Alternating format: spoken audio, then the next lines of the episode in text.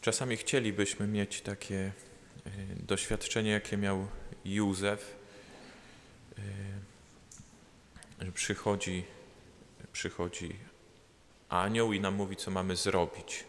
Takie, to by było takie bezpieczne rozwiązanie, że nie musimy już się dużo zastanawiać.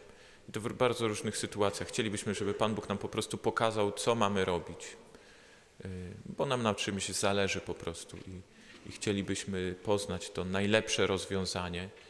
E, I to w bardzo różnych sytuacjach rzeczywiście jest. E, czasami chłopak szuka żony i się zastanawia, czy to jest na pewno ta. Ona się zastanawia, czy to jest na pewno on. Niech Pan Bóg mi pokaże, czy, czy to z nim mam być. Czasami ktoś się tak zastanawia przy, e, przy wyborze studiów, czy to na pewno te dobre studia, Panie Boże, czy, czy ja idę na dobre studia, czy sobie życia nie marnuję? Pokaż mi, Panie Boże. I y, tak samo może być, y, może być w zakonie, że Panie Boże, czy mam y, składać te śluby wieczyste, czy nie?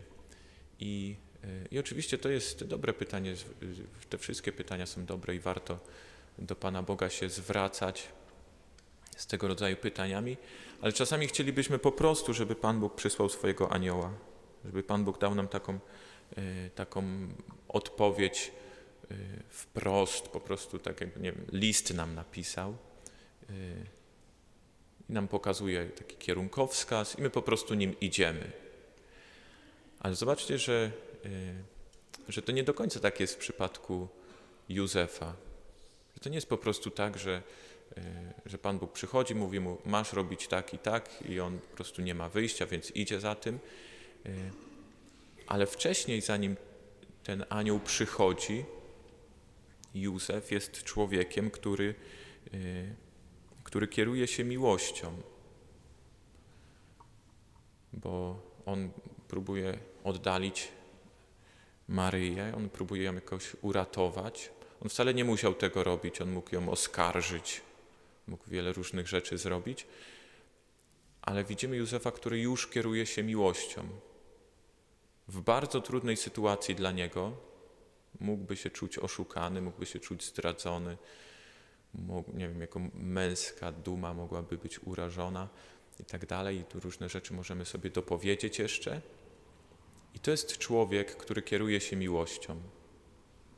I później przychodzi do niego anioł i wcale nie mówi do niego czegoś, jakiegoś prostego rozwiązania. Nie mówi czegoś oczywistego, że on takie, aha, no rzeczywiście, na to jeszcze nie zwróciłem uwagi. Nie? Z Ducha Świętego, aha. No nie, to wcale nie jest proste to, co słyszy Józef. To jest kolejna rzecz, który, z którą on musi się zmierzyć.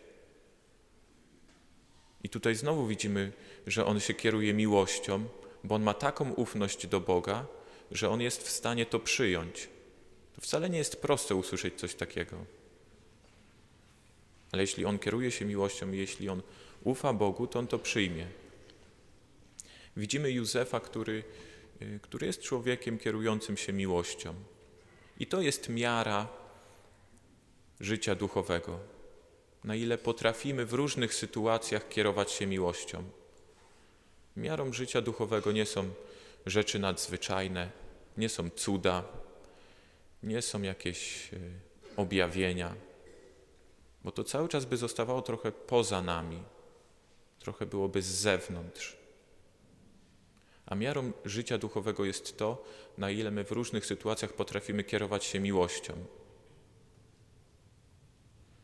I w tej sytuacji, kiedy on mógł tak spojrzeć, że został zdradzony, potrafił kierować się miłością. I w tych wszystkich sytuacjach, w których my chcielibyśmy właśnie takiej nagłej, szybkiej interwencji od Pana Boga, pytanie, czy my tam potrafimy kierować się miłością, bo to jest miara naszego życia duchowego.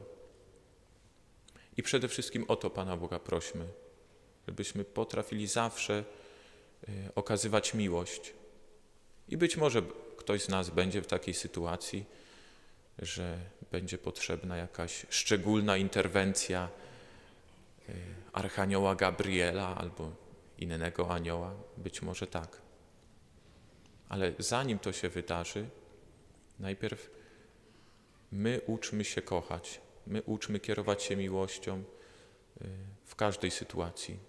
Kiedy jesteśmy zranieni, kiedy czegoś nie rozumiemy, musimy zaufać, ale kiedy jest dobrze,